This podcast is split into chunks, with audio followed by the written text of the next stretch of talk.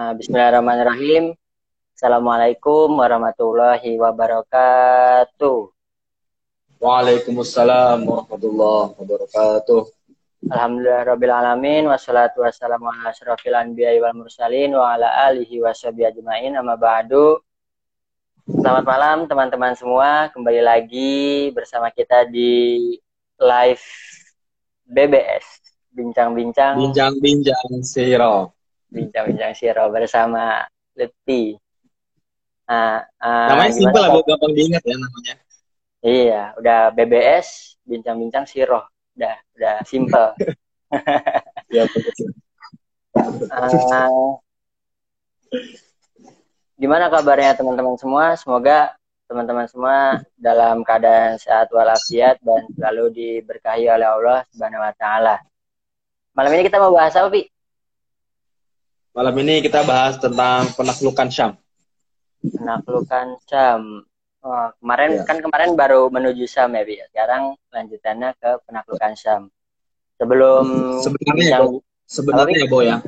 Uh, ini tuh bukan bukan kayak lanjutan gitu loh. Jadi ini timelinenya atau waktu kejadiannya itu secara bersamaan gitu. Hmm. Oh, secara bersamaan Jadi, sama yang kemarin ya.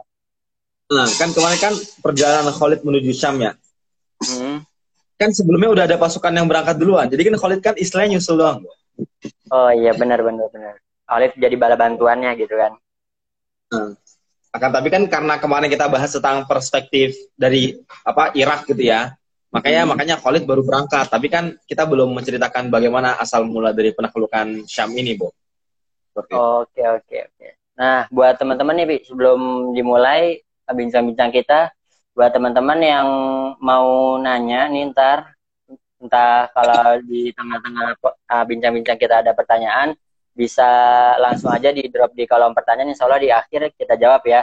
Terus buat teman-teman juga nih biar materinya makin makin nyambung gitu makin nangkep uh, bisa didengerin juga podcast kita Salim dan Zakaif namanya di Spotify atau di musik-musik uh, lainnya itu ada untuk linknya ada di IG Lutfi di situ ada deskripsi di, di bio Lutfi ada linknya bisa langsung dipencet di situ buat dengerin episode-episode sebelumnya biar materinya makin mantep.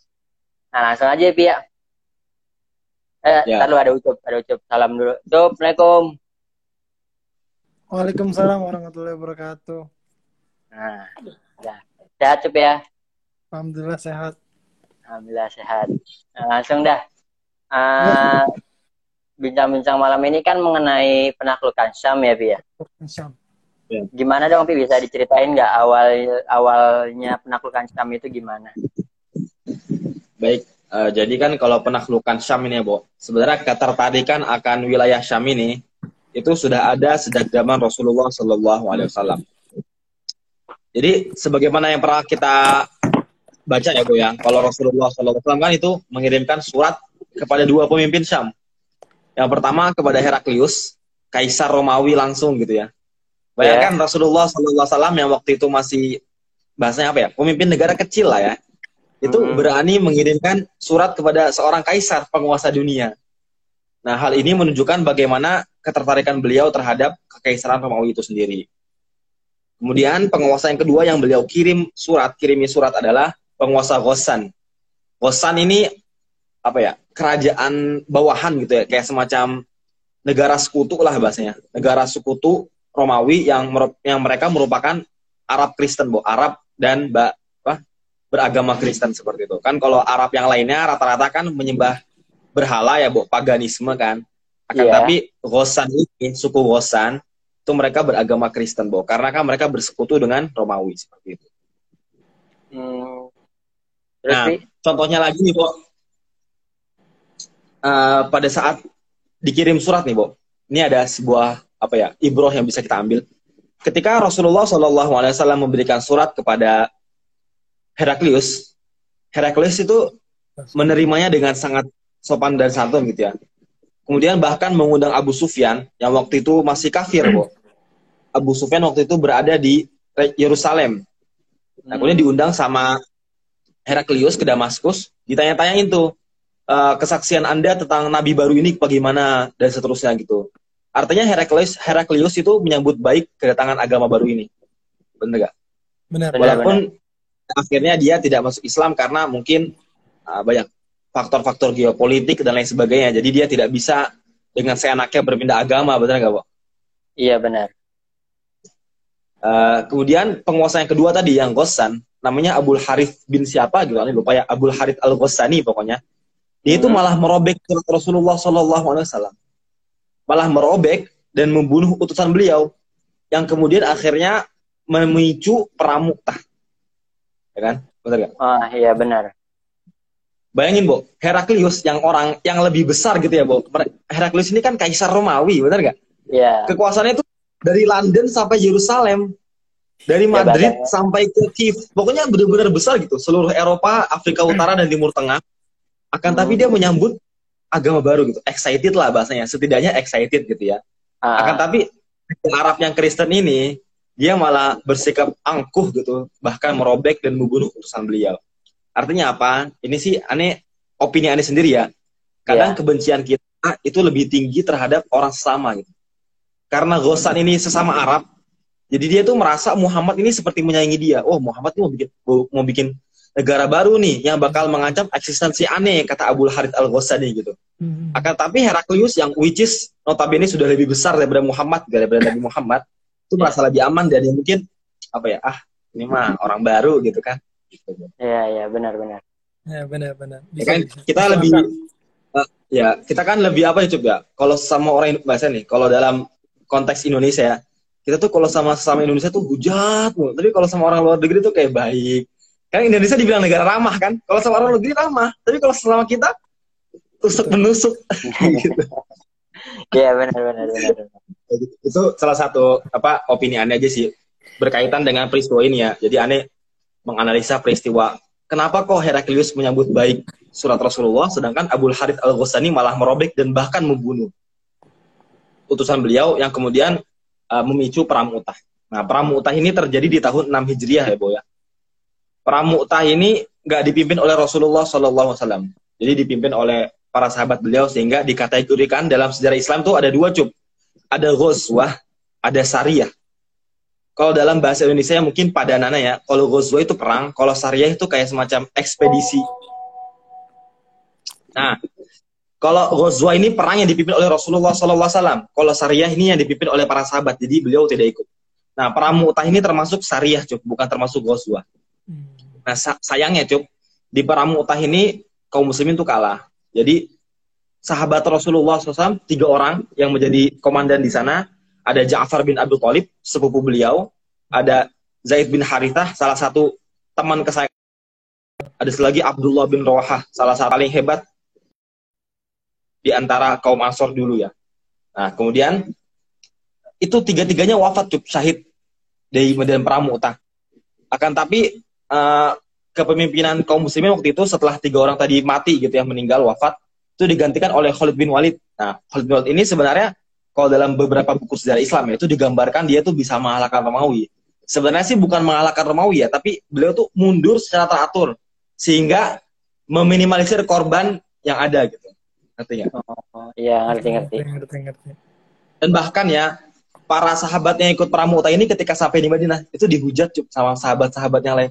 Oh ente ini pengecut, apa mundur dari pertempuran kan kalau dalam Islam mundur dari pertempuran itu masuknya berdosa besar ya cup ya jadi dihina tapi kata Rasulullah SAW nggak apa-apa nggak apa. Jadi Rasulullah itu membela. Nah di sini nih kepemimpinan Khalid bin Walid yang pertama kali dalam sejarah Islam itu di Perang Mu'tah ini dia berhasil memukul mundur pasukan Muslim dengan selamat. Itu bu. Jadi itulah apa prolognya ya untuk penaklukan Syam ini bu. Terus Pi, uh, di ini aneh punya pertanyaan di penaklukan Syam ini umat Muslim pernah kalah nggak sih Pi? Oh pernah. Justru itulah yang memicu apa ekspedisi Syam ini ya penaklukan Syam ini. Jadi setelah nah, sebelumnya kalah di Perang Mu'tah ya, kemudian ada Perang Tabuk. Perang Tabuk ini sebenarnya di zaman Rasulullah juga ya. Cuman ini perang ini tuh tidak terjadi pertempuran, Bu. Jadi cuman kayak jalan ke tempatnya gitu. Cuman nggak jadi. Nggak jadi, jadi balik lagi gitu. Iya, iya. Uh, eh, itu sepertinya tidak perlu kita jelaskan di sini lebih lengkap ya Pak. Tapi kurang lebih Oke. eh, nggak jadi lah gitu. Jadi. Nah, iya iya. Itu di zaman Rasulullah ya. Apa lengkap, waktu lebih cepat, singkat cerita. Nah di zaman Abu Bakar nih, jadi Khalifah Abu Bakar As-Siddiq itu pengen kan Khalifah ini sedang sibuk memerangi orang-orang yang murtad ya, Bo ya. Yang ada di yang ada di Arab itu sendiri. Iya. Nah, Khalifah melihat, mengamati bahwasannya perbatasan utara, Cuk. Jadi kalau kita lihat Arab, Cuk, utaranya itu itu kan Palestina, Jordania, Hmm. Suriah, benar nggak, Cuk? Nah, Iya. itu tuh zaman dulu, itu tuh dikuasai oleh Romawi. Nah, Khalifah Abu Bakar As-Siddiq ini ingin mengamankan perbatasan utara kaum muslimin. Takutnya ketika kaum muslimin sedang sibuk memerangi orang-orang yang murtad di Arab itu sendiri, kaum muslimin diserang juga dari atas, jadi kayak dikepung gitu. Nah, makanya Khalifah Abu Bakar As-Siddiq ini me- apa ya? meng- menginisiasi untuk mengamankan perbatasan utara. Nah, yang pertama dikirim ada namanya Khalid bin Said. Ingat ya, nama jenderalnya, nama komandannya adalah Khalid bin Said. Khalid bin Sa'id. Dia itu dikirim ke namanya kota Taima. Nah, kota Taima ini masih ada cukup di zaman sekarang, masih Ya. ada gitu di Arab Saudi, di perbatasan utara pokoknya. Ya. Nah, ketika Khalid bin Said itu datang ke kota Taima, orang-orang Arab Kristen yang di suku Hosan itu ya, itu tuh mereka sudah melakukan mobilisasi. Mereka sudah ngumpul untuk menyerang negara Islam. gitu. Hmm. Akan tapi Khalid bin Said itu berhasil mengalahkan mereka karena beliau mungkin lebih siap gitu ya. Kemudian intelijennya. Ingat ya, dalam peperangan itu cukup. Nih, dalam peperangan itu bukan hanya taktik, bukan hanya taktik yang merupakan parameter faktor kemenangannya, variabel kemenangan. Akan tapi juga diperlukan namanya intelijen. Misalnya gini, Cuk. Misalnya eh, ente ente sama Ane mau perang nih, Cuk. Ketemu di titik A. Siapa yang lebih tahu tentang titik A tersebut? yang lebih tahu tentang geografi titik A, siapa yang lebih tahu tentang jumlah pasukan musuh, gimana kelemahan musuh, itu kan artinya namanya intelijen ya nggak? Intelijen. Iya. Jadi selain selain strategi yang matang, intelijen dalam peperangan itu juga diperlukan. Nah, pasukan Khalid bin Said ini lebih unggul dalam masa intelijen dibandingkan orang-orang Arab Kristen. Soalnya orang-orang Kristen tadi mereka tuh nggak biasa apa di Jazirah Arab. Mereka mainnya di Suriah di sana loh. Mainnya sama orang-orang Romawi lah bahasanya, bukan sama orang-orang Arab yang di Jazirah Arab gitu ya. Iya. Hmm. Nah, orang Arab Kristen tadi itu tandang ya, Bu. Mereka menyerang kota Taima, akan tapi berhasil dikalahkan oleh Khalid bin Said. Nah, berita kemenangan ini sampai kepada Khalifah. Jadi, Khalid bin Said ini melaporkan kepada Khalifah. Ya, Khalid bin Said ini apa ya? Melaporkan kepada Khalifah tentang kemenangan ini dan Khalifah memutuskan untuk menyuruh Khalid bin Said untuk terus maju ke ke wilayah Romawi. Kata Abu Bakar gini, kamu maju, akan tetapi jangan menarik perhatian musuh. Maksudnya gini kan, pasukan Khalid bin Said ini kan cuma sedikit ya. Iya. Karena kan dia tadi awalnya cuma ingin untuk memperkuat pos-pos perbatasan kan. Ah, Akan tetapi karena sebelumnya telah menang melawan orang-orang Arab Kristen, Khalifah Abu Bakar merasa pede. Wah ini kayaknya Khalid bin Said ini oke lah. Akhirnya disuruh Khalifah maju lagi, masuk ke dalam wilayah Romawi. Akan hmm. tapi kata beliau, jangan terlalu menarik perhatian. Maksudnya kayak ngendap-ngendap gitu loh perangnya. Apa nyerangnya tuh ngendap-ngendap. Kata Abu Bakar As-Siddiq itu. Nah, Abu Bakar As-Siddiq ini terus maaf, Khalid bin Said ini terus merengsek masuk ke dalam wilayah Romawi sampai ke Laut Mati. Laut Mati sekarang itu ada di neg- di negara Israel, Cuk. perbatasan antara Yordania dengan Israel. Berarti sudah sangat jauh banget ya, Cuk. Sudah dekat sudah di Palestina itu ya, Palestina, Iya, negara iya, Palestina. sudah Kalau misalnya antum tidak menga- mengakui negara Israel seperti itu. Nah, sudah sampai masuk ke dalam negara Palestina gitu. Akan tapi pasukan Romawi sudah mengumpulkan pasukan kembali. Dan singkat cerita, kedua pasukan ini berperang. Dan akhirnya sayangnya ya, Bo, sayangnya pasukan ini kalah, Bo. Khalid bin Pasukan- Said, Oh. pasukan Ya. kaum muslimin kalah. Ah, ah. Pasukan kaum muslimin kalah. Padahal sebelumnya sudah datang bantuan yang dipimpin oleh Ikrimah bin Abu Jahal. Ikrimah bin Abu Jahal ini cup anaknya Abu Jahal. Abu Iya. Jahal yang dedengkot kafir Quraisy. Lewat Ikrimah ini beliau tuh bertaubat ya cup ya. Anaknya ya, anaknya bertaubat Anaknya Jahal. dan alhamdulillah gitu eh, di diutus oleh Abu Bakar As-Siddiq untuk bantuan membantu Khalid bin Said. Khal- Khalid bin Said. Akan tapi Khalid bin Said kemudian terbunuh di peperangan ini. Nah, tapi Ikrimah bin Abu Jahal berhasil mundur seperti itu, Bo. Oh. Itu Terus- itu peperangan kekalahan yang memicu. Oh, itu kekalahan pertama tuh. Terus habis itu ada uh, Itu- Khalifah Abu Bakar mengadakan rencana lagi nggak buat nyerang balik gitu. Apa coba tadi nanti mau ngomong apa? Enggak, enggak jadi. Abu. Ya, ya, ya. Nah, Itu tadi. jelas lah. Jadi kan setelah kalah gitu ya, Bo, setelah kalah tadi tuh bahkan Khalid bin Said sampai terbunuh seperti itu ya, syahid dalam di jalan Allah gitu.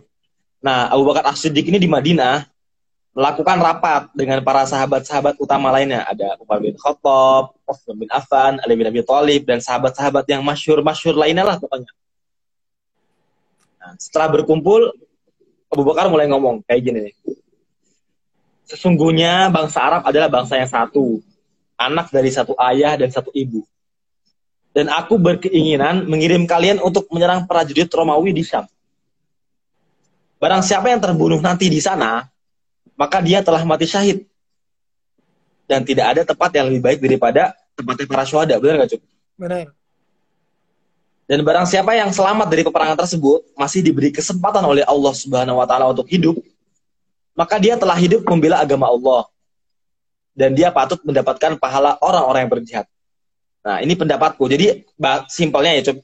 Abu Bakar bilang, eh, para saudara-saudara, aneh mengusulkan kita tuh ngirim pasukan ke Syam. Antum nih gimana? Kata Abu Bakar tuh gini, tolong sampaikan pendapat kalian kepadaku menurut cara pandang kalian masing-masing. Gitu. Nah, Umar nih menjawab nih, Bo. Umar nyaut, Umar bin Khattab nyaut gini. Anda sudah mengambil langkah yang tepat. Maksudnya, Anda berkeinginan untuk mengirim prajurit ke Syam itu tepat. Hmm. Jadi, kata Umar gini strateginya. Kirimkanlah ke Syam pasukan berkuda yang diikuti pasukan berikutnya, yang diikuti pasukan berikutnya. Jadi, kata Umar bin Khattab, kirimkan pasukan secara berangsur-angsur. Jadi, Oh. tidak sekaligus. Misalnya 3.000 dulu, kemudian 3.000 lagi, Iya. Kemudian 3000 lagi. Pokoknya berangsur-angsur lah kata Umar bin Khattab seperti itu. Itu kata Umar bin Khattab ya, berangsur-angsur. Iya. Ah. Kemudian kata Abdurrahman bin Auf. Sekarang kata Abdurrahman bin Auf. Kata Abdurrahman bin Auf gini, Wahai Khalifah, sesungguhnya kekaisaran Romawi ini besar. Besar dan kuat. Menurut saya, Anda tidak perlu untuk mengirimkan pasukan kepada mereka. Namun Anda tuh cukup memperkuat pos-pos perbatasan yang ada di utara sana, yang berbatasan langsung dengan Syam. Kemudian pasukan-pasukan tersebut Anda kirim tuh untuk nyerang, kemudian balik, nyerang balik kayak apa ya, Bas ya? Merampok gitu loh, Bu. Hit and Oh, run lah, iya. Bas ya, hit and run. Ah, iya, iya, iya, Nah. iya. Nah, jadi cuma nyerang, cuma balik lagi kayak cuma memperkacau perbatasan gitu loh, Cuk. Iya. Menebar teror, Iya, teror iya, di perbatasan. iya. Jadi naro naro Nah. orang berkuda di perbatasan Syam. Heeh, benar. Nah, kemudian hal itu akan memicu, kata Abdurrahman bin Auf, hal itu akan memicu prajurit Romawi untuk keluar kandang. Mereka pasti kan akan menyerang perbatasan utara kan. Nah, akhirnya Iya. bisa diserang tuh sama orang Islam. Karena kan orang-orang Islam main kandang tuh akhirnya kan, main kandang kan. Jadi lebih tahu akan geografinya, tempat wilayahnya, dan lain sebagainya. Dan akhirnya pasukan Romawi berhasil dihancurkan. Gitu. Jadi kalau kata Abdurrahman gitu, kalau kata Umar bin Khattab tuh ofensif, maju aja, masuk ke dalam wilayah Syam.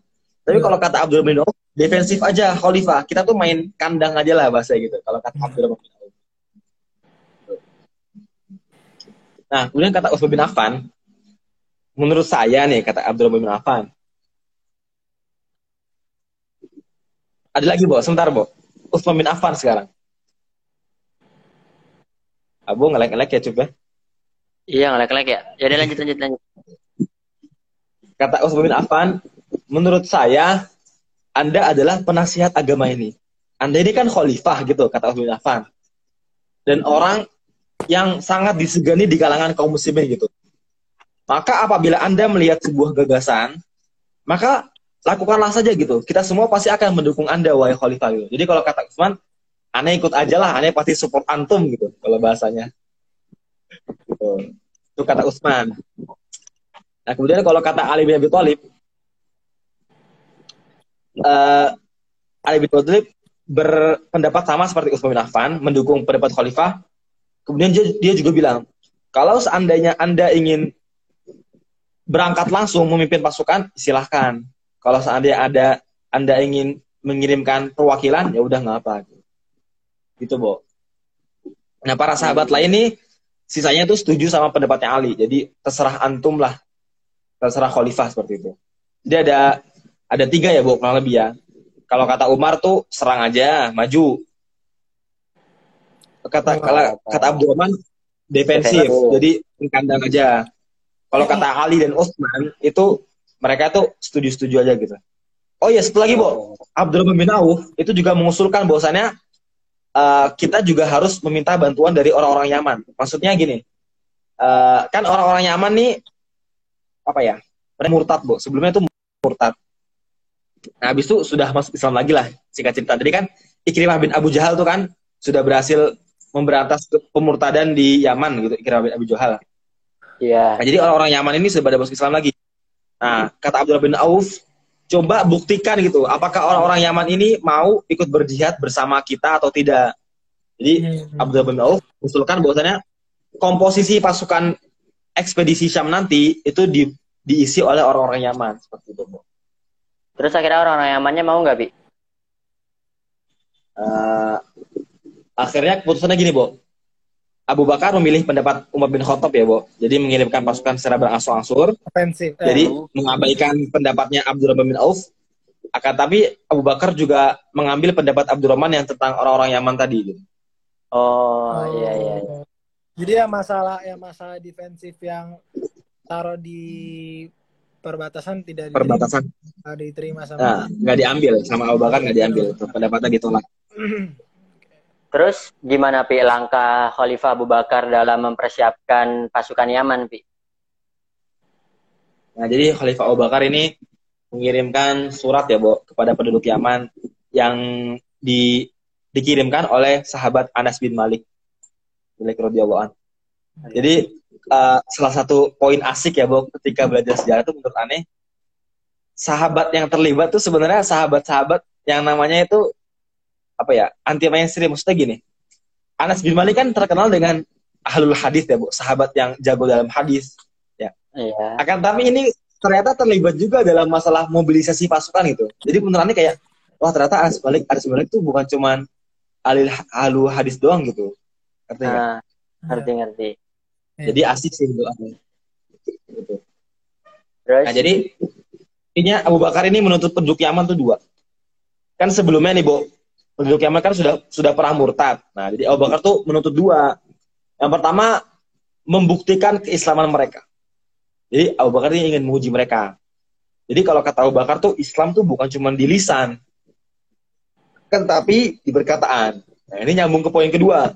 Abu Bakar menyuruh mereka untuk ikut berjihad memerangi orang-orang kafir gitu kok. Nah, kalau kata Anas bin Malik ya, Bo, menurut persaksian Anas bin Malik, orang-orang Yaman ini antusias semua. Kata beliau nih, kata Anas bin Malik, setiap orang yang aku bacakan surat Abu Bakar kepadanya, orang tersebut langsung bilang gini, aneh OTW dan aneh bakal join gitu lah bahasa kalau bahasa kita. Gitu Kami sedang berjalan dan kami akan ikut. Jadi bahasanya OTW nih aneh, aneh join lah. Gitu Iya, lah, iya, bahasa, iya. bahasa kita ya gitu. Nah, Orang Yaman itu ya, Bi? Apa, Bo? Apa, Cuk? Orang Yamannya itu. Ya, itu orang Yaman tuh yang tadi apa ditemuin oleh Anas bin Malik Langsung. OTW lah ya. Orang Yamannya. bergegas lah maksudnya gitu Cuk, bergegas. Terus, terus. Nah, kemudian kan orang-orang Yaman ini kan datang ke Madinah ya sebelum berangkat ke Syam kan. Mereka kumpul dulu kan di Madinah.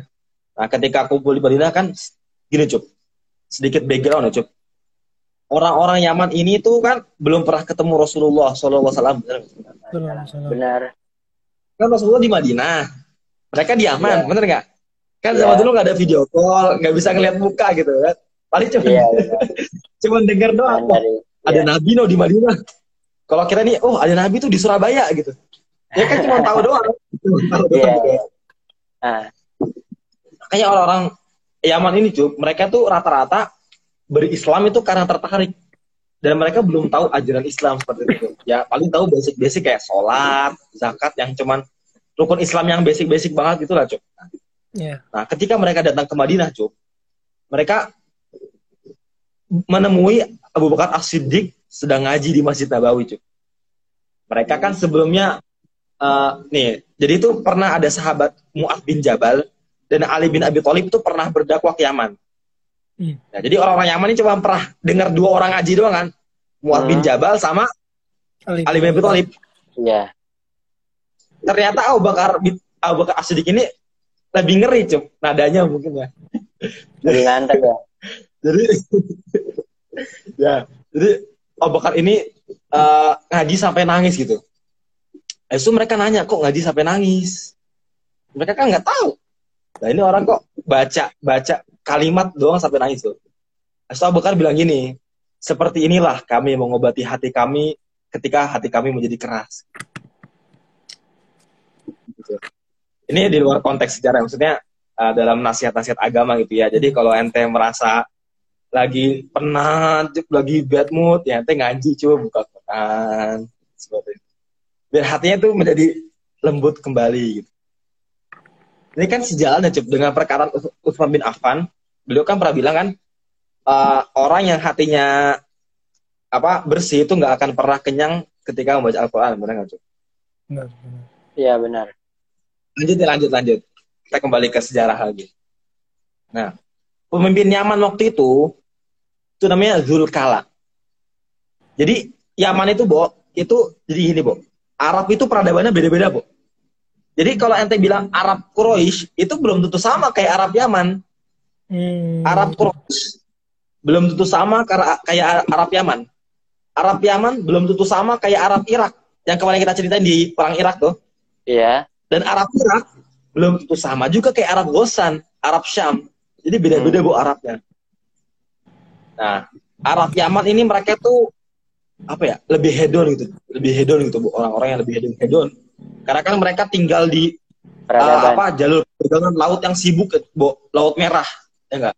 Jadi Iya, mereka biasa di- ketemu dengan orang-orang dari berbagai mancanegara. Jadi mereka lebih open minded gitu bahasa bahasa kita ya. Lebih open minded gitu. Nah, Nah, mereka pasti kan kalau orang, kalau orang open minded ya, Bo, itu kan berpakaiannya lebih glamor gitu ya, Bu ya. Benar nggak? Iya. Zulkala ini, dia tuh pemimpin orang-orang Yaman. Itu ketika lihat Abu Bakar As-Siddiq yang cuma pakai baju apa ya? Baju yang seadanya. Mana Abu Bakar kan kurus ya, Bu orangnya ya. Sudah kita jelaskan kan, Bu, sebelumnya kan. Iya. Bakar ini kurus. Langsung wajahnya, wajahnya tuh apa ya? Pipinya tuh tajam gitu. Ngerti gak sih? Kurus. Iya, kan saking kurusnya ya. Saking kurusnya pipinya tajam. Jadi kata Zulkala ini dia tuh tidak melihat kemewahan apa pun dalam diri Abu Bakar. As-Siddiq. Dan Abu Bakar kan statusnya adalah pemimpin Arab, ya kan? Pemimpin Iya. pemimpin Islam gitu, pemimpin negara yang sekarang sudah berhasil menaklukkan Irak gitu. Iya. Tapi tapi kok dia tidak terlihat high class gitu bahasanya kan. Terus Bi. Nah, penampilan Abu Bakar As-Siddiq ini sangat berkesan di hatinya Zulkala seperti itu. Sehingga Zulkala itu ngikutin trennya Abu Bakar. Dia yang awalnya datang ke Madinah pakai baju yang glamor-glamor gitu ya, orang-orang open minded gitu. Dia langsung ganti baju, Bo. beli di pasar Madinah, ganti baju ikut yang yang seadanya lah bahasanya. Seadanya kayak Khalifah Abu Bakar As-Siddiq. Hmm. Tersanjung lah ya. Habis itu eh apa ya, keluarganya Zulkala ini yang merupakan keluarga kerajaan, keluarga orang-orang open minded itu ya, keluarga glamor, bilang, "Eh Zulkala, ente memper- mempermalukan nama keluarga aja sih pakai baju yang rombeng-rombeng. Ente ini pemimpin orang-orang nyaman. Bajunya yang bener dikit dah. Bikin impression yang, oh, kalau kata Abdul sekarang kan impressionnya itu harus yang bagus kan. Iya. Kala ini Zulkala nyaut gini, membalas perkataan keluarga yang tadi ya. Jadi dinyinyirin sama keluarganya. Hmm. Kata Zulkala ini, dulu tuh Ani tuh orang yang semena-mena di waktu belum Islam. Masa ketika Ani udah Islam nih, Ani masa tetap semena-mena sih? Harusnya kan Ani Islam, karakter Ani juga ganti, bener gak, Bo? Iya, benar. Berhijrah. Hijrah lah ya rasanya ya. Hijrah pakaian, hijrah Nah. apa ya. Akhirnya keluarganya Zulkala ini yang lain itu apa ya berkes, terkesan dengan perkataan Zulkala tadi gitu ya. Akhirnya mereka semua ikut-ikutan menjadi orang yang zuhud, orang yang rendah, rendah hati gitu. Bajunya juga nggak terlalu glamor-glamor seperti itu. Jadi kita bisa lihat ya, Bo. Ini sedikit uh, flashback tentang Abu As-Siddiq. Kita bisa melihat bagaimana heterogennya budaya Arab. Kebudayaan Arab yang beda-beda dari Arab Yaman, Arab Arab Yaman, Arab Hijaz, Arab Irak, Arab Syam. Nah, ketika mereka melihat Arab Hijaz ini, mereka itu terkagum-kagum dengan kesederhanaan mereka gitu. Kesederhanaan orang-orang Hijaz. Orang-orang Yaman ini tadi terkagum-kagum dengan kesederhanaan Abu Bakar As-Siddiq gitu. Makanya tidak tidak heran ya Bu kalau bagaimana Rasulullah SAW bisa membuat kagum setiap orang karena memang dari apa ya, dari bawaannya aja itu udah menenangkan gitu. Iya. Gak terkesan angku. Jadi first impressionnya itu. Tadi kan Zulkala baru pertama kali melihat Abu Bakar kan? Bener gak? Uh, Lagi iya. ngaji di masjid, bajunya nggak bagus-bagus amat. Jadi kan berarti first impressionnya Zulkala kepada Abu Bakar, bener gak? Benar pasti nih ya, Bo, sebelumnya Zulkala itu berpikir, wah ini nih Abu Bakar nih namanya pemimpin negara besar ya, pasti banyak pengawalnya, bajunya mahal kayak aneh gitu kata Zulkala bahasanya. Hmm. Ternyata pas ada temuin, wah udah kayak orang biasa gitu. Nah, makanya Zulkala ini akhirnya luluh hatinya seperti itu. Jadi itulah uh, bagaimana kisahnya orang-orang Yaman sampai ke Madinah. Nah, untuk selanjutnya, bagaimana orang Yaman ini berangkat ke Syam, kita lanjutkan di episode selanjutnya aja, Bu. Udah kelar nih berarti ya, Bi? Ya, ya. Nah, di live di materi ini kita dapat mengambil hikmah bahwa betapa hebatnya sosok Abu Bakar dari sifatnya yang tawadu dan zuhud sampai bisa merubah orang yang tadinya sifatnya hedon dan apa suka dengan kekayaan jadi ikut menjadi zuhud ya nggak Bi? Ya benar bu, benar bu. Oke. Okay. Uh, kita jadi um, sebentar bu. Oke. Okay. Jadi first impression dalam Islam sama dalam kapitalis itu beda kan kalau orang-orang uh, entrepreneur motivator bilang first impression tuh yang jam Rolex, hmm. mobilnya BMW, yeah. Mercedes Benz. Benar, sebenarnya bagus. Oke okay lah, masuk akal, boleh itu boleh. Cuman yang membuat orang-orang zaman dulu tuh orang-orang Arab itu kan batu-batu ya bu palanya. Keras-keras tuh keras kepala. Bener orang-orang Arab tuh bu. Yeah. apa ngedumel lah masih kayak orang kampung gitu ya. Ah iya. Mereka hingga kemudian bisa luluh hatinya tunduk buat Islam itu karena melihat first impression Rasulullah. Benar. orangnya tuh adem sederhana gitu. Jadi karakter mereka yang keras ala-ala orang gurun pasir itu menjadi hilang. Kayak itu bu itu aja. Lanjut lanjut. Hmm. Oke okay, oke. Okay. Kita banget ya. Ah iya ya, benar. Ya, Persim ngaruh banget. Nah kita buka ya tiga pertanyaan ya Bi ya. Cup ya. Ya, Bu. Ya, ya. silakan Bu. Silakan. Bacain dong Cup yang ini Cup yang di kolom pertanyaan Cup. Uh, okay. Itu Ibat juga nanya Bu tapi nggak di kolom pertanyaan. Yang di Ibat ada kok di kolom pertanyaan. Uh, oh, ya, okay. ya, silakan. Ibat dari Ibat Robani Gan katanya. Mau tanya kenapa Jazirah Arab nggak bisa dikuasain? Padahal di apit tua imperium besar Romawi dan Persia. Wih, pertanyaan bagus nih. Oke. Dari ahli sejarah juga. Ya, boleh. Jadi jawabannya jawaban yang paling yang paling benar ya. Jadi kan jawaban dalam sejarah itu sebenarnya ada banyak persepsi dan perspektif ya. Cuman yang paling disepakati oleh semua sejarawan, di Arab itu tidak ada sumber daya apa-apa. Oh. Jadi jazirah Arab tuh bener-bener panas, akhi. Cuma bener gurun. Yeah. Sejauh pandangan mata tuh cuman cuman bener-bener gurun gitu. Jadi nggak nggak menarik. Nggak uh, ada, nggak menarik. Jadi orang-orang Romawi yang mereka ibu kotanya ada di Konstantinopel gitu ya, betapa megahnya Konstantinopel dengan hipodromnya, dengan selat Bosporus, ataupun orang-orang Persia dengan ibu kotanya Tes Ctesiphon yang berada di pinggiran Sungai Tigris, itu tidak tertarik terhadap jazirah Arab. Cuman tadi kan aneh bilang tuh orang-orang Arab Yaman kan cenderung hedon. Itu hmm. karena kan mereka jazirah Arab cuman di bagian pantai, which is dekat dengan kota pelabuhan. Mereka berinteraksi lah dengan orang-orang dari Romawi, dari Persia, dari India, bahkan dari Indonesia gitu ya. Kan ada yang bilang kan Habib Habib dari mana? Dari Arab. Dari mana cuy? Habib Habib. Dari Yaman kan? Dari Yaman. Oh iya, iya. Nah, Nah, karena Yaman itu apa? Kota pelabuhan yang bisa terakses ke Samudra Hindia gitu. Ke berbagai negara-negara di Asia sampai ke Cina, ke Jepang seperti itu. Jadi uh, kalau Arab Jazirah Arab yang dimaksud ibad ini mungkin Jazirah Arab yang negara Arab Saudi sekarang itu nggak ada yang menguasai. Cuman kalau Jazirah Arab maksudnya ibad tuh yang bagian Yaman itu ada. Dulu kan ada Abraha. Abraha itu kan utusan dari kerajaan Abyssinia di Ethiopia. Berarti pernah dikuasai negara lain, no? Benar. Benar-benar. Sebelumnya lagi kan yang kata kisah penduduk Najran itu yang dibakar itu, yang orang-orang Iya. Kristen dibakar, Ah, itu kan yang membakar tuh penguasa Romawi, eh penguasa Persia. Jadi Persia pernah menguasai Yaman juga. Sebelum akhirnya Yaman itu, Yaman yang Persia ya, ditaklukkan oleh Abraha yang merupakan dari kerajaan Abyssinia. Jadi kalau ya- bagian Yamannya itu pernah diperebutkan karena itu tempat strategis. Betul. Apa merupakan selat. Selat ya namanya selat ya, Bu. Selat ya. Strategis kan kalau selat tuh. strategis. Nah, jadi itu. Kalau jazirah Arab yang Arab Saudi sekarang selain karena minyak ya, minyak minyak kan baru ditemukan 1930-an. Ya kan sebelumnya kan belum ada apa-apa ya. Jadi ya memang tidak strategis saja itu. Jadi tidak ada kepentingannya. Cukup tapi segitu jawabannya. Cukup. Eh, semua satu lagi, Bu, satu lagi.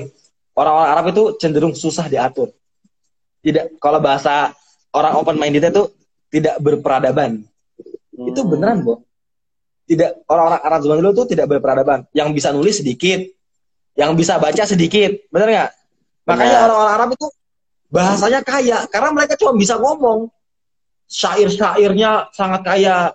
Satu kalimat tuh bisa artinya banyak-banyak. Karena mereka dulu tuh nggak bisa nulis sama baca. Maksudnya eh, lebih sedikit lah gitu persentasenya daripada orang yang lain gitu. Seperti itu, Bu. Dibandingkan kan di, di Indonesia mungkin apa karya tulisnya lebih banyak seperti itu loh. Jadi intinya gitulah. Jadi dua faktor tadi. Tidak ada kepentingan karena sumber daya alamnya sedikit. Yang kedua, orang-orang Arab itu tidak berperadaban. Kurang berperadaban berarti. Orang Kurang, Arab liar ya, Pi, liar Iya. bahasanya. Liar. Ya, liar. Itu aja lah, yang pas. Oke, oke. Lanjut. Cuk. Ini ada lagi, Cuk. Oke. Dari Nabetetik. Eh, apa nih? Ada dua pertanyaan nih, Bo. Dia, Bo.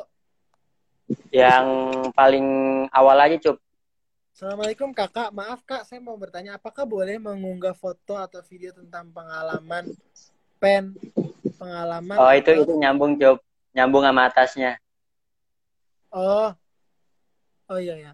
Apakah boleh mengunggah foto atau video tentang pengalaman pencapaian untuk membangun personal branding dalam Islam? Apakah boleh khusus sama wanita?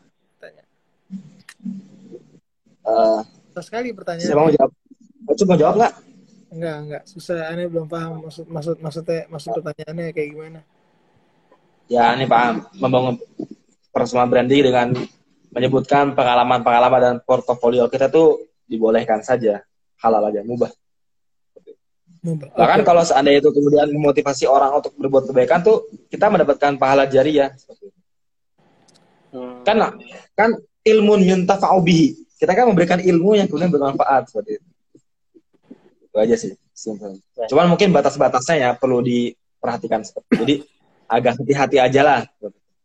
Oke. Oke, lanjut. Pertanyaan terakhir nih ya. Pertanyaan terakhir. Nih, Pi. Dari itis underscore fitriah 05. Kak, mau tanya, apakah Palestina termasuk negeri Syam? Nah, gimana, Pi? Ya, karena ini pertanyaan tertutup ya, jadi jawabannya iya. Jadi nggak perlu dijelaskan. ya. Kan Kalau kalau termasuk- kalau boleh tahu, Pi, eh, Syam itu kalau di sekarang itu daerahnya mana aja, Pi?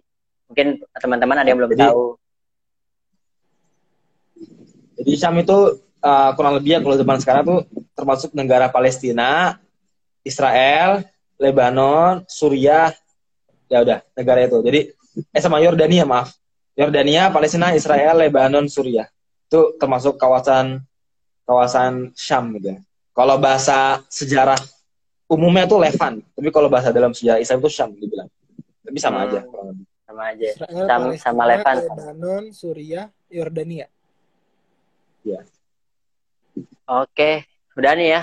Mungkin Udah tiga pertanyaan nih, juga. Eh, uh, terakhir Boleh, Ya ada. Kira-kira kekacauan apa yang terjadi di balik terbunuhnya Utsman bin Affan? Ya. Apa ini? Jadi di zaman Utsman bin Affan ini gimana ya bahasanya?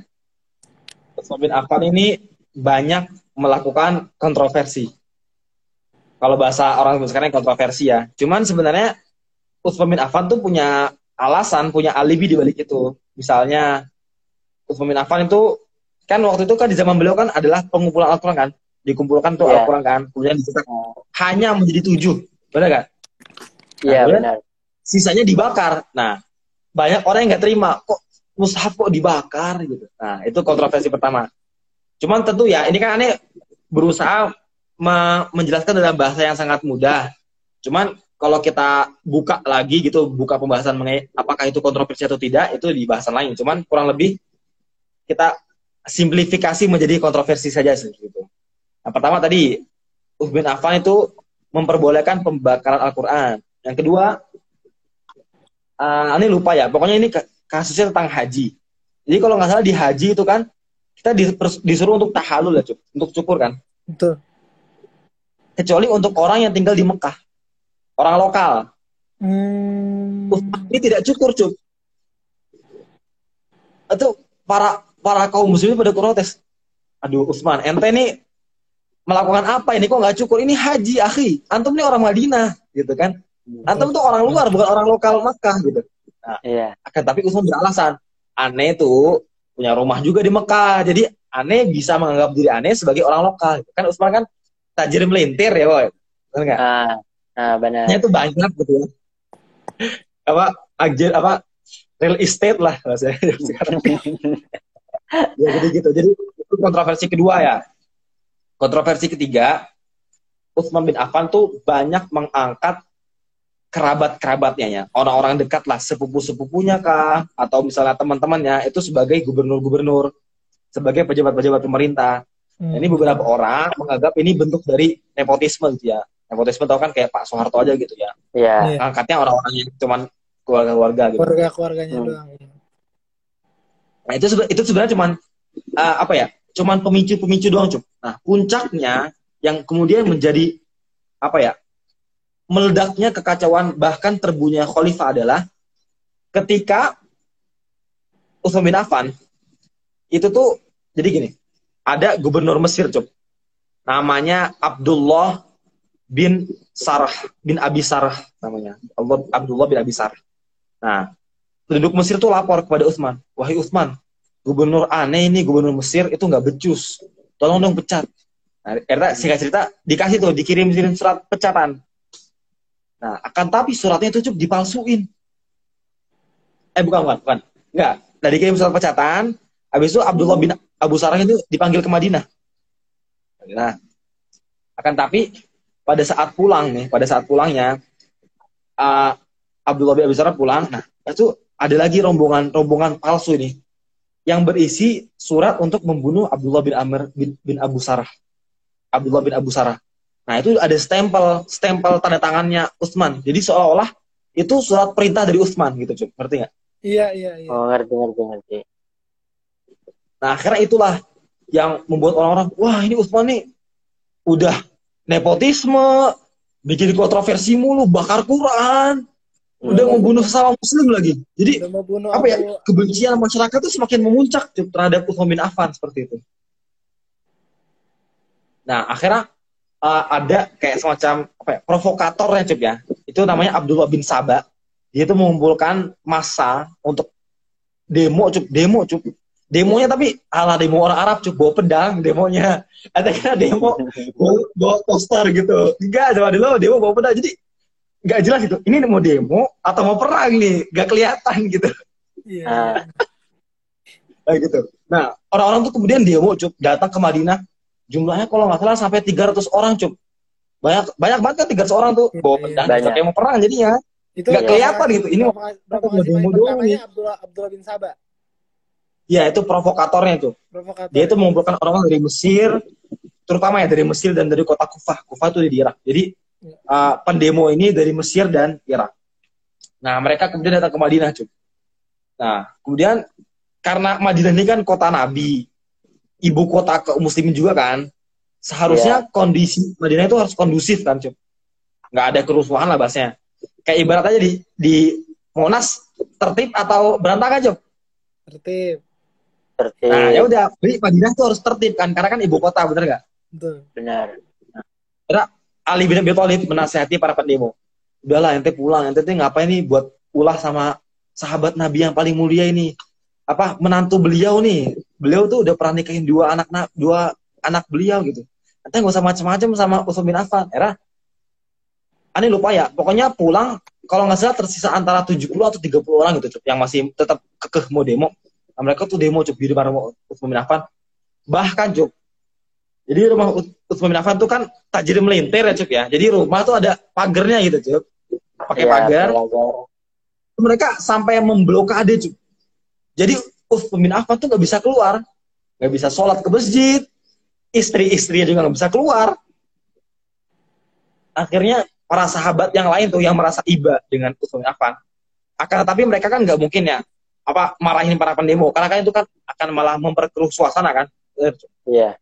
Nah, akhirnya para sahabat seperti Ali, Tolha itu memberikan Utsman air apa bantuan. Tapi dari dari tembok doang gitu mungkin dikasih pakai katrol atau apa gitulah. Pokoknya dari tembok gitu bukan dari pintunya. Nah, kemudian pendemonya ini mulai diusir-usirin cup sama anak-anak sahabat yang masih muda. Jadi kan sahabat-sahabat waktu itu cup udah pada tua-tua bener nggak cup ya hmm. terus bin Affan tuh umur 80 tahun cup waktu itu 80 Demo tahun lagi pakai pedang Abis itu Ali bin Abi Thalib mungkin sudah 50 60 tahunan. Pokoknya sahabat-sahabat waktu itu tuh sudah sepuh 60 tahun, 70 tahun, 80 tahun. Nah, sahabat-sahabat yang muda kayak Abdullah bin Umar, Abdullah bin Zubair, Hasan bin Ali bin Abi Thalib, Husain bin Ali bin Abi Thalib itu mereka datang ke rumah, ke rumah Utsman. Mereka langsung berjaga di depan gerbang pintunya. Men mengusir para pendemo itu. Karena kan mereka masih muda-muda ya, jadi berani kan melawan orang-orang pendemo ini. Nah, kan tapi pendemonya ini, Cuk, manjat pagar, Cuk. Parkur dia Nah, salah satu pendemonya, Cuk, itu namanya Muhammad bin Abu Bakar. Anaknya Abu Bakar As-Siddiq. Salah satu pendemonya. Muhammad bin Abu Bakar ini yang uh, ketika Rasulullah SAW wafat, Muhammad ini lahir ya, Bi? Iya. Iya, yang waktu itu. Belum, yang belum sempat ketemu Rasulullah ya? Belum sempat. Ketemu, uh, nggak, nggak, nggak ketemu sih, nggak ketemu ya. Tabiin berarti uh, masuknya ya, Bi? Tabiin. Jadi Muhammad ini kemudian memimpin teman-temannya manjat rumah Utsman, habis itu masuk lewat jendela gitu ya cup ya bukan lewat pintu gitu masuk ke ke ruangannya Usman aneh nggak nggak disebutin nggak diusin pokoknya itu antara kamar kah atau apakah pokoknya ruangan Usman gitu ya habis itu Muhammad ini Muhammad Abu Bakar tuh tarik jenggot Usman Usman lagi duduk cup ditarik ke atas ditarik ke atas tuh begini kan so kata Usman eh ente Muhammad kalau seandainya bapak ente nih, Abu Bakar Asidik melihat perilaku ente kayak gini nih, nyengkek aneh nih, nyengkeknya bukan dari leher lagi, dari jenggot. Aneh yakin bapak ente bakal nangis-nangis minta maaf sama aneh. Hmm. Karena kan Utsman bin Affan dan Abu Bakar itu kan teman dekat ya juga. Hmm. Bagaimana mungkin gitu anaknya teman itu kok malah bersikap brengsek gitu sama temannya bapaknya gitu ngerti nggak? Iya iya. Iya. Ngerti Karena Muhammad ini merasa tertampar itu. Dia langsung keluar dari kamarnya Utsman bertobat lah. Mungkin dia merasa tertusuk lah bahasanya kalau dalam zaman sekarang. Ya tusuk gitu. Nah habis itu para ya teman-teman Muhammad ini masuk ke dalam ruangannya Utsman tiga orang cup tiga orang. Ngeroyok Utsman bukan dibunuh cup dikeroyok jadi kan kalau ngebunuh langsung mati ya maksudnya nggak sakit gitu ngerti kan tapi ini dikeroyok digebukin cup jadi pedang gagangnya tuh gagangnya nih jadi dibuka pakai gagangnya, wah, lagi tendang, wah, Woi, Usman tuh sampai berdarah, itu pingsan, bayangin. Maaf ya, Cep. Usman kan kakek-kakek ya, Cep, ya, 80 tahun. Bayangin dikeroyok, dikeroyok tiga, tiga orang pemuda gitu. Ya pingsan, bener nggak, Cep? Benar. Eh, dia singkat cerita, nanti Usman tuh dibunuh, Cep. Jadi gitulah, uh, ceritanya agak agak nggak enak didengar ya, sebenarnya. Cuman begitulah faktanya. Berarti Usman jihad gak, Pi? ya ya syahid, syahid lah ya, syahid Cuk. soalnya gini Cuk. Rasulullah SAW tuh pernah bilang waktu perang Uhud jadi pas perang Uhud tuh Cuk Abu Bakar, Umar, Utsman, Ali sama Rasulullah itu lagi di atas gunung Uhud. Terus gunung Uhud tuh goyang. Habis itu Rasulullah SAW bilang gini, Wahai gunung Uhud, diamlah. Karena di atasmu ada Rasulullah, ada As-Siddiq, ada Al-Faruq, dan dua orang mati syahid. Jadi Utsman bin Affan dan Ali bin Abi Thalib itu sudah diprediksi oleh Rasulullah SAW bahwa mereka akan mati syahid. Seperti itu tuh. Hmm, gitu. Jadi gitu. Cerita bagaimana fitnah Utsman bin Affan. Masya Allah ya ceritanya. Itu berarti berarti yang paling kacau dan fitnah paling besar berarti di saat lagi uh, mas apa namanya ditipu masalah persetujuan untuk membunuh uh, siapa tadi Abdullah, bin Abisar. Macam. Abdullah bin Abur. Ah iya iya oke oke. Paham. Abisar, Abisar. Oke oke oke. Oke, jelas sekali, jelas sekali. Oke. Abdullah bin Abisar. Gimana Cup? Lanjut Tapi, Cup, pertanyaannya? Ada, sebentar Cup. Ah, Tapi ya. ada kisah unik. Sebenarnya yang ngangkat Abdullah bin Abisarah ini Utsman bin Affan sendiri Cup. Menjadi gubernur hmm. Mesir. Dan sebelumnya flashback di zaman Rasulullah Cup ya. Jadi Abdullah bin Abisarah ini termasuk sahabat yang pernah murtad. Cuy. Jadi Abdullah bin Abi Sarah itu dulu sahabat Rasul di Madinah. Kemudian dia murtad, cuy. datang ke Mekah, kembali kafir. Habis itu kan ada Fathu Makkah tuh tahun 8 Hijriah, benar nggak? Hmm. Aslinya kata Rasulullah tuh orang-orang yang pernah murtad itu dibunuh. Habis itu Utsman bin Affan itu tuh membela, wahai Rasulullah, Abdullah ini jadi dibunuh. Jadi Utsman tuh ngelobi Rasulullah. Oh jadi bahasanya orang dalam ada besti lah ya sama Abdullah bin sama ha, ada besti happy besti yeah, day yeah, yeah, yeah. ada bestinya Jo nah, kan tapi sayangnya perkara Abdullah bin Abi ini justru yang menjadi penyebab pembunuhan Muhammad bin Affan jadi memang hidup ini emang rumit ya Cup ya iya nah, seperti itulah uh, juga dunia Cup berarti pas dia lagi nyetujuin buat ngebunuh Abdullah bin Abi Sarah berarti Usman bin Affan ini dong bahasanya kesel dong sama Abdullah. Kayak itu palsu tadi, Juk. Itu palsu. Oh, iya. kan bilang, itu suratnya palsu. Palsu, palsu. Itu ada yang nemuin gak, Pi? Siapa yang nulis surat palsunya itu? Eh, uh, aduh. Kayaknya ada, cuma lupa namanya. Iya, iya. Hmm. Ada. Oke, oke. Oke deh, sudah jelas. Udah ya, nggak ada lagi pertanyaan nih, Cop. Nggak ada, nggak ada. Udah jelas. Oke, okay, kalau kalau udah nggak ada pertanyaan lagi, ini buat teman-teman yang belum dijawab pertanyaannya, mohon maaf banget, bisa di apa, insya Allah di live selanjutnya bisa ditanyakan lagi, insya Allah bisa dijawab. Uh, terus kita udah udah kita sudahkan dulu ya live uh, malam ini. Buat teman-teman kalau ada salah kata dari Ane Ucup dan Upi, mohon dimaafkan. Oh iya, uh, buat kalau mau dengerin episode-episode sebelumnya biar lebih nyambung gitu sama yang baru kalian dengerin sekarang bisa di dengerin di podcast kita dan namanya Salim dan Zakaif di Spotify itu ada di linknya ada di IG-nya Lutfi bisa cek aja langsung ke IG-nya Lutfi terus apalagi nih Pi udah ya nggak ada yang tambahin lagi ya cukup cukup cukup ya cukup ya cukup cukup cukup uh, jangan lupa teman-teman buat mantengin terus nantikan kita ya, Bo. Cerita oh. kita selalu baru dari setiap satu episode ke episode Santai aja, iya. nggak ya. berulang, ceritanya nggak berulang. Bakal jalan terus ya, Bi. Nah, ya benar, benar. Uh, pokoknya tungguin kita terus setiap Selasa dan Jumat jam 19.45 WIB. Uh, kita bakal live terus jam uh, setiap hari itu insya Allah. Oke, okay, kurang lebihnya mohon maaf.